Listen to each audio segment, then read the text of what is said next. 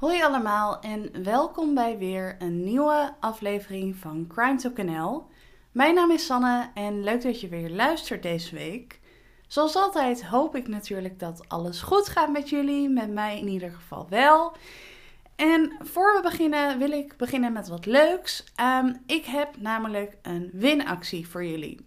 Ehm, in samenwerking met de podcast en het boek De Laatste Dag van Pim Fortuyn mag ik vijf boeken aan jullie weggeven. Nou, superleuk natuurlijk. Het is dus een boek en een podcast. Dus de podcast kun je sowieso luisteren. Daarover meer later. Maar je kunt dus ook het boek winnen om lekker thuis of waar je dan natuurlijk ook wil te lezen. Ehm, wat je daarvoor moet doen, uh, ik post op Instagram een post. Daaronder moet je reageren dat je meedoet en dan kies ik vijf winnaars uit. En ehm, nou ja, dan horen jullie vanzelf wie de boeken heeft gewonnen. Dus wil je het boek winnen? Kijk dan even op Instagram, @crime en laat even weten of je meedoet. Um, verder is er dus ook een podcast bij. Ik zal even de link daarvan in de beschrijving zetten, want die kun je sowieso luisteren. En die is echt super interessant, maar daarover later meer bij de Kijk, Luister, Leestip. Laten we dan nu gewoon beginnen met de aflevering van deze week. En um, ik heb weer een keer gekozen voor een wat oudere zaak, omdat ik dat zelf dus heel interessant vind. En jullie volgens mij ook. Dus laten we gewoon beginnen. Deze week gaan we het namelijk hebben over de zaak van de arsenicummoorden in Rotterdam. En het is natuurlijk voorspelbaar, maar ik begin natuurlijk weer met de achtergrondinformatie. Um, we gaan het dus hebben over de arsenicummoorden in Rotterdam. En die moorden die speelden zich af binnen het gezin van Catharina van Viegen. En um, nou ja, dit verhaal speelt zich af tussen 1897 en 1898. En in die tijd was Catharina 40 jaar oud en ze woonde met haar gezin aan de Oranjeboomstraat in Rotterdam. Um, ze had twee kinderen samen met Jens Sorensen, die toen 42 jaar oud was. En nou, wat ik zei, ik val een beetje in herhaling. Maar uh, ze hadden dus twee kinderen, uh, twee dochters. Catharina van 17, die had dus dezelfde naam als haar moeder. En Marie-Louise van 7 jaar oud. Dus best wel een leeftijdsverschil.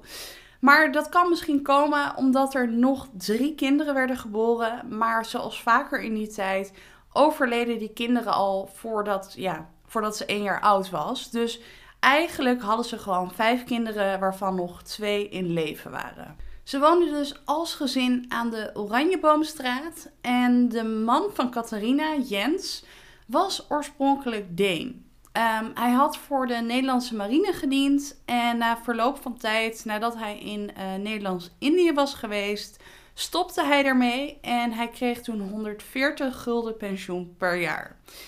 Dat klinkt natuurlijk als heel erg weinig. Daar zouden we nu, uh, nou ja, niet eens een paar dagen mee kunnen leven. Maar in die tijd had geld natuurlijk een heel andere waarde. En het betekende ook niet dat hij ja, stopte met werken, want na zijn marinecarrière ging hij aan de slag als stuurman op een boot. En daarmee verdiende hij 9 gulden per week. Maar ook dit was niet hun enige inkomen. Uh, want Jens en Catharina verhuurden namelijk ook kamers in hun woning in Rotterdam. En dat betekende dus ook dat er mensen bij hun inwoonden. En ik blijf dit zo'n apart iets vinden, want volgens mij was dit dus vroeger veel gebruikelijker dan het vandaag de dag is. Althans, op dit moment ken ik geen mensen die bij mensen inwonen of, nou ja, je snapt wat ik bedoel. Uh, terwijl ik ken wel verhalen van vroeger van familieleden of zo, die gewoon bij iemand inwoonden of een kamer verhuurden. Ja, ik, dat is dus eigenlijk ook precies waarom ik oude verhalen zo interessant vind. Want dit zijn dingen die je vandaag de dag niet meer zoveel hoort, maar die vroeger toch best wel gebruikelijk waren. En dat was dus ook zo bij Jens en Catharina, want zij verhuurden dus kamers in hun huis aan ja, vreemde mensen, om zo maar even te zeggen. Um, verder was dochter Catharina van 17 jaar bezig met een studie. Wat voor die tijd volgens mij ook best wel ambitieus was. Want volgens mij was het niet heel gebruikelijk dat een jonge vrouw ging studeren. Maar In Catharina haar geval was dat dus wel zo. En Catharina was een kweekeling, wat vroeger de naam was voor een docent in opleiding. Ze wilde dus docent worden en terwijl ze die studie deed, werkte ze als hulpdocent waarmee ze zo'n 200 gulden per jaar verdiende. Dus niet per maand, maar per jaar. Ehm, in ieder geval, op deze manier had de familie toch best wel wat verschillende soorten inkomsten. En ja, hoewel ik zou denken dat het geen vetpot is en was, uh, dit is dus de manier hoe ze rondkwamen met z'n allen. Um, tegelijkertijd is dit een beetje de achtergrondinformatie. Maar er gaat natuurlijk iets mis en dat gebeurt in 1897. Want de collega's van Jens, die samen met hem op de boot werkten, vinden namelijk, of vonden namelijk, dat hij er de afgelopen tijd ja, een beetje gek uitzag. Um, slecht, uh, in ieder geval niet gezond. En als ze er naar vroegen, antwoordde Jens: Ik geloof dat ze me willen vergiftigen. Hij zei niet wie ze dan was, maar het was natuurlijk wel een heel gek antwoord op de vraag: wat zie je er slecht uit? Maar goed, er gebeurde verder niets. Dus er was ook helemaal niemand die aan de bel trok van: goh, er is iets heel ernstigs aan de hand.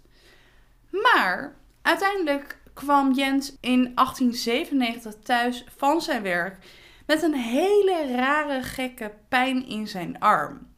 En hij had al wat langer die pijn aan zijn arm, maar die dag was het zo ernstig dat hij eerder naar huis was gegaan van zijn werk omdat hij dus zoveel pijn had. Hij kon gewoon echt niet meer werken.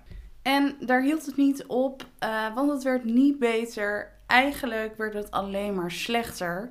Want als hij de volgende ochtend opstaat, was hij ook ontzettend ziek. Hij had heel veel pijn, hij had kramp en hij moest ontzettend overgeven. En toen ineens overleed hij de dag daarna. Dat was op 14 september en um, zijn lichaam werd wel onderzocht door een arts om te kijken nou ja, hoe hij was overleden natuurlijk. En zijn dood werd vastgesteld op een beroerte. Dat kan natuurlijk gebeuren, maar er waren wel wat dingen die opvielen. Want op Jens zijn leven waren verschillende levensverzekeringen en begrafenisfondsen afgesloten. En toen hij overleed, werd er dan ook 1100 gulden uitgekeerd. Wat dus ook best wel veel geld is. Als je bedenkt dat dat zo'n 10 keer was wat hij normaal gesproken jaarlijks verdiende. Dus best wel wat geld. En het is natuurlijk ook niet per se heel erg verdacht dat iemand een levensverzekering heeft. Maar wat wel apart is, is dat een vrouw die bij hen inwoonde op dat moment verklaarde dat Catharina zonder weten van Jens zijn levensverzekeringsbedrag had verhoogd. Uiteindelijk is Jens daar vlak voor zijn dood achtergekomen en ze hebben daar toen ook heel erg ruzie over gehad.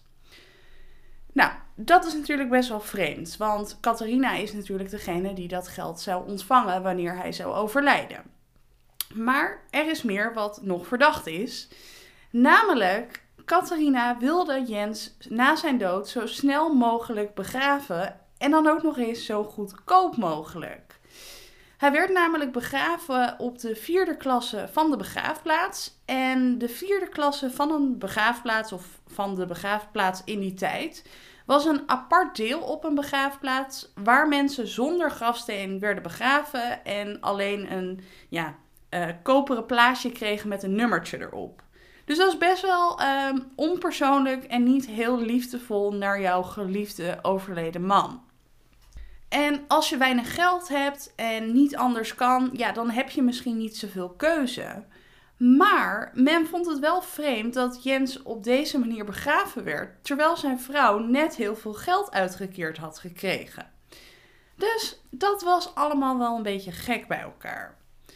Maar goed, Jens was dus overleden aan een beroerte en het leven ging uiteindelijk verder. Een jaar later, op 2 juni 1998, komt er een nieuwe kostganger bij Catharina en de twee kinderen wonen. En dit was Moses Samuel Cohen. Hij was toen 58 jaar en lag in scheiding met zijn vrouw. Wat overigens ook best wel uitzonderlijk is voor die tijd. Want toen scheiden er nog niet zoveel mensen, maar dat terzijde. Uh, maar dat was dus de reden dat hij introk bij Catharina en haar twee kinderen. Hij betaalde 55 gulden per maand voor kost en inwoning en, nou ja, leidde gewoon zijn leven daar. Alles leuk en aardig, hoor ik je denken. Maar wat heeft dat met dit verhaal te maken? Nou, al snel werd Mozes ook ziek.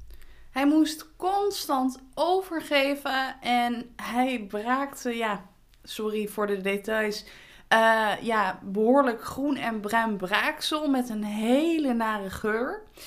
En drie dagen nadat hij ziek werd, overleed hij op 19 juni 1989. Dus dat is 17 dagen nadat hij introk bij Catharina en haar familie. Nou ja, ook zijn lichaam werd onderzocht na zijn dood door een arts. Maar de artsen die waren niet helemaal zeker over de doodsoorzaak. Ze spraken erover dat het ja, een mogelijkheid zou kunnen zijn dat hij zichzelf misschien met arsenicum had vergiftigd. En arsenicum is al vaker voorgekomen in de podcast als gif. Maar even een uh, kleine reminder wat arsenicum is. Um, arsenicum behoort tot zware metalen. En als je te veel arsen binnenkrijgt, kan dit schadelijk zijn en ook dodelijk. Dus geen uh, fijn middeltje. Um, en vroeger werd arsenicum veel gebruikt als um, vergif tegen ratten en ander ongedierte. In ieder geval, de artsen spraken er dus over dat Mozes mogelijk een arsenicumvergiftiging had, maar ze waren er niet helemaal zeker over, omdat Mozes geen bloed in zijn ontlasting had en dat hoort toch wel bij de typische arsenicumvergiftiging. Dus dit werd eigenlijk al snel van tafel geveegd en uiteindelijk was er niet echt een hele sterke doodsoorzaak. Mozes die had uh, 13.000 gulden aan aandelen verstopt in de bondkraag van zijn jas. En uiteindelijk liet hij dit allemaal achter aan zijn vrouw, waarmee hij dus eigenlijk in scheiding lag. Dus weer een dode in het huis van Catharina. En weer eigenlijk een beetje een vreemde doodsoorzaak. Dat geval van Mozes was dus in juni. En dan ineens in augustus werd dochter Katrina ineens ziek. Die was inmiddels 18 jaar. En opeens kreeg zij ook dezelfde ziekteverschijnselen als Mozes. Dus ze begon hele gekke kleuren te braken en dus met een hele nare geur. Nou, dit viel ook bij wat mensen op, waaronder een kostganger die bij hen woonde en de buren. En die hadden ook zoiets van, huh, um, moeder Catharina, hoe kan het dat dochter Catharina opeens ook zo ziek is? En um, die had daar dan het antwoord op dat dochter Catharina zo ziek was geworden omdat ze met de ramen open gestreken had. Dus mensen hadden niet per se hele erge argwaan, maar ze vonden het wel een beetje vreemd. En dan uiteindelijk overlijdt ook dochter Catharina op 18-jarige leeftijd. Nou ja, ook bij haar werd haar lichaam onderzocht. En daarbij kwam ook wel dat de artsen het nu wel heel erg raar begonnen te vinden. Dat eerst de vader was overleden, toen Mozes en zo kort daarop dochter Catharina. Dus, nou ja, er werden weer onderzoeken gedaan. En ook bij haar werd er gedacht aan een arsenicumvergiftiging. Maar ook in het geval van Catharina waren de ziekteverschijnselen niet heel typisch voor een arsenicumvergiftiging. Ze konden ook niet helemaal met zekerheid vaststellen wat het dan wel was geweest, dus uiteindelijk werd de doodsoorzaak vastgesteld op een buikvliesontsteking. Het werd dus steeds wel opvallender voor mensen uit hun omgeving en helemaal omdat ook op Catharina haar leven levensverzekeringen waren afgesloten. In 1884 had de moeder van Catharina een verzekering afgesloten van 50 gulden voor haar leven. En wat nou zo opvallend was, was dat de moeder Catharina een maand voor de dochter Catharina dit had verhoogd opeens naar een bedrag van 2000 gulden. Nou, een aanzienlijk hoger bedrag natuurlijk. En het is wel heel erg opvallend dat een maand later Catharina opeens overlijdt. En dit betekende dus ook dat Catharina, moeder Catharina, dus 2000 gulden kreeg na het overlijden van dochter Catharina. Maar nu ook weer besloot ze niet een uh, uitbundige uitvaart te organiseren, maar net als bij haar man Jens werd dochter Catharina zo goedkoop mogelijk begraven en begraven op de laagste klasse, die klasse 4 dus, op een plek zonder steen, maar met alleen een koperen plaatje met een nummertje erop. Ja, dat is natuurlijk best gek in het geval van je dochter.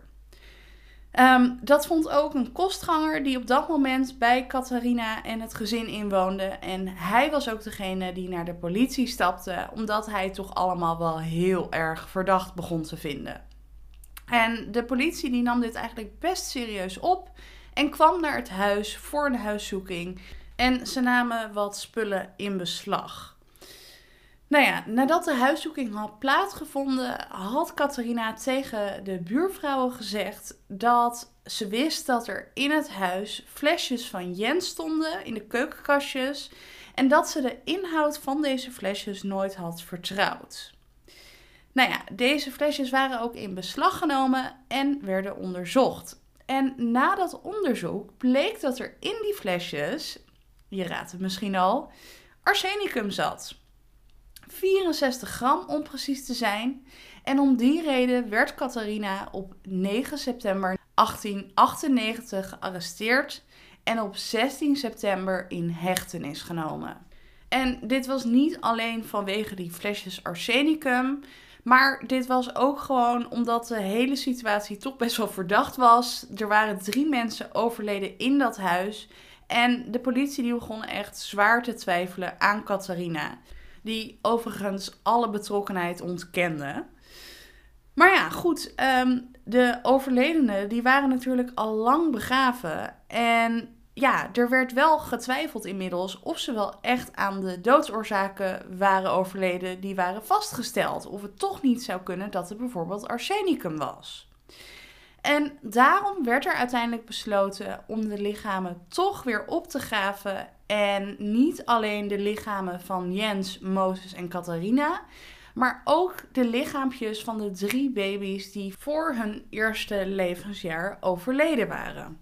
En dit werd dus gedaan om toch nog één keer heel goed te onderzoeken of ze echt overleden waren aan hun doodsoorzaak of dat het toch misschien iets anders was, zoals bijvoorbeeld een arsenicumvergiftiging.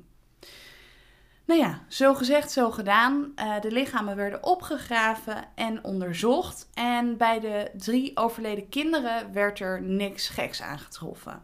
Dus nou ja, dat is fijn en goed nieuws natuurlijk. Maar bij de lichamen van Jens, Mozes en dochter Catharina was dat wel anders, want daar was het maar goed dat ze opnieuw opgegraven werden en onderzocht werden. Want er kwamen toch wel opmerkelijke resultaten uit het nieuwe onderzoek. Bij Jens, vader Jens, man Jens, werd er namelijk in totaal 140 milligram arsenicum aangetroffen in zijn lichaam. 55 milligram in zijn nieren, 25 milligram in zijn lever en 60 milligram in zijn maag. Ook bij Mozes werd arsenicum aangetroffen, 29 milligram in totaal. En wat ook uit het onderzoek kwam, was dat hij een gezwel rondom zijn nier had. Tegelijkertijd um, vermoeden de artsen dat dit niet zijn doodsoorzaak was. Uh, het leek dan toch meer voor de hand liggend dat de doodsoorzaak het gif arsen was. Maar ze konden het niet met 100% zekerheid zeggen, omdat de uh, hoeveelheid arsenicum in zijn lichaam niet zo hoog was als dat bijvoorbeeld bij Jens was. Maar feit is en blijft dat hij dus wel arsenicum in zijn lichaam had. Nou ja, als laatste hebben we dan natuurlijk de dochter, dochter Catharina. En ook bij haar werd er arsenicum aangetroffen. Um, zij had 269 milligram arsenicum in haar lichaam, waarvan 250 milligram in haar maag. Dus ook bij haar wisten de artsen vrijwel met zekerheid te zeggen dat ook Catharina overleden was aan arsenicum in haar lichaam. Dus dat zijn wel resultaten die opvallen. En het schijnt zo te zijn dat tussen de 100 en 140 milligram arsenicum dodelijk is. Dus de artsen durfden ook met zekerheid te zeggen dat Jens en dochter Catharina om het leven waren gekomen door een arsenicumvergiftiging. Mozes die had natuurlijk minder in zijn lichaam, 29 milligram, en dat hoeft dus ook niet per se dodelijk te zijn. Maar omdat er geen andere doodsoorzaak was en ook in combinatie met Jens en dochter Catharina, vermoeden ze ook dat in het geval van Mozes het ging om een arsenicumvergiftiging. Nou ja, goed. Um, dat waren dus de resultaten. Catharina ondertussen, die zat nog steeds in uh, hechtenis tijdens de onderzoeken. En wat wel opvallend was, is dat ze bleef ontkennen dat ze er ook maar iets mee te maken had. Nou ja, de politie die geloofde haar niet. Die waren ervan overtuigd dat zij het wel op haar geweten had. En ja, ze bleven onderzoek doen. En na een jaar hadden ze zoveel bewijs tegen haar gevonden dat de zaak voor de rechter kwam. En dat bewijs bestond vooral uit getuigenverklaringen die niet per se in het voordeel van Catharina werkten.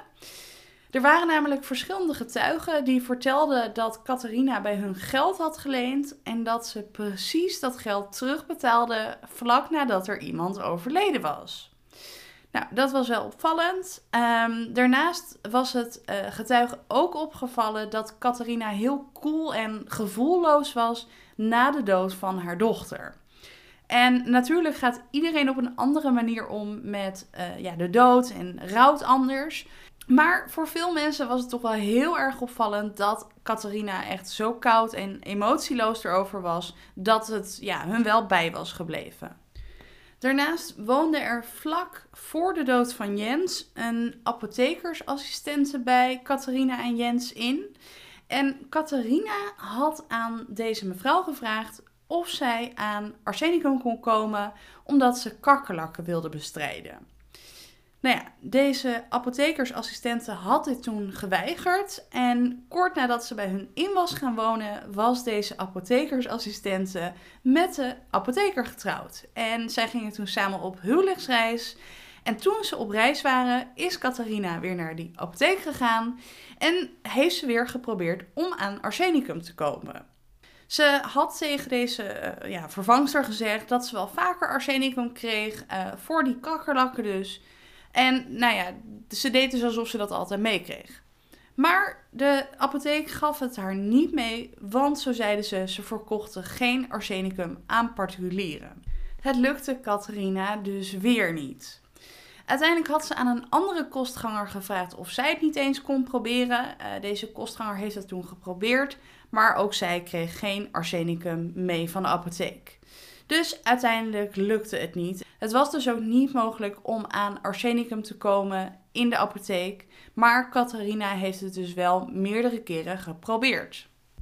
Uiteindelijk gaf Catharina wel toe dat ze arsenicum in huis hadden toen Jens, Mozes en dochter Catharina overleden.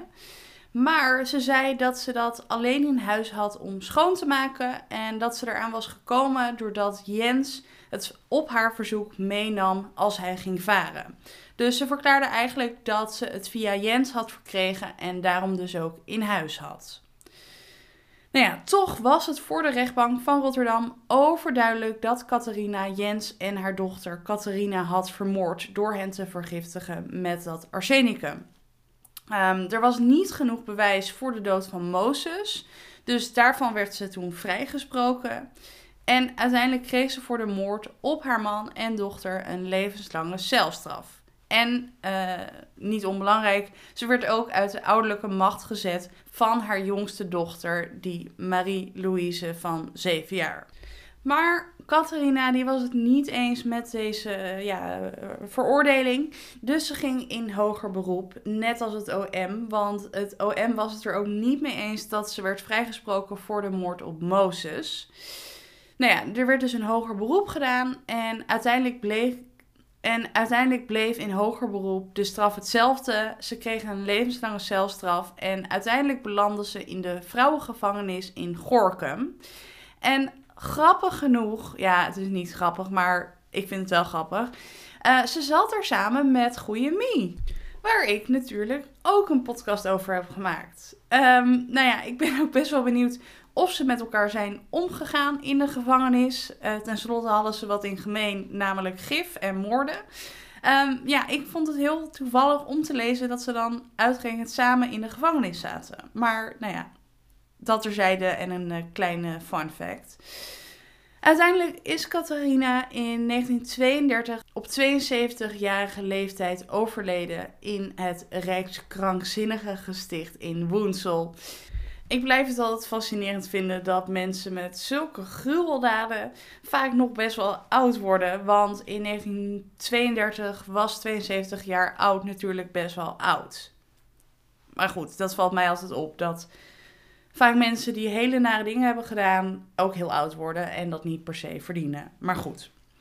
Ja, dit is ook eigenlijk wat ik jullie kon vertellen over het verhaal van Catharina van Viegen, de gifmoorden in Rotterdam. En ja, ik vind het een bizar verhaal en blijf zulke zaken zo interessant vinden. Vanwege de andere tijden, maar ook gewoon om het feit dat je toen zo makkelijk kon frauderen dat je zomaar een levensverzekering van iemand anders kon verhogen. Uh, ja, ik zou er bijna dankbaar voor zijn, want als dat nu zou kunnen, zou ik helemaal paranoia worden. Maar goed, ja, ik blijf en vind het super interessant hoe dit allemaal kan gebeuren en hoe dat toen ging en hoe daar toen mee om werd gegaan. En ik hoop jullie dus ook, want ik hoop dat jullie het interessant vonden.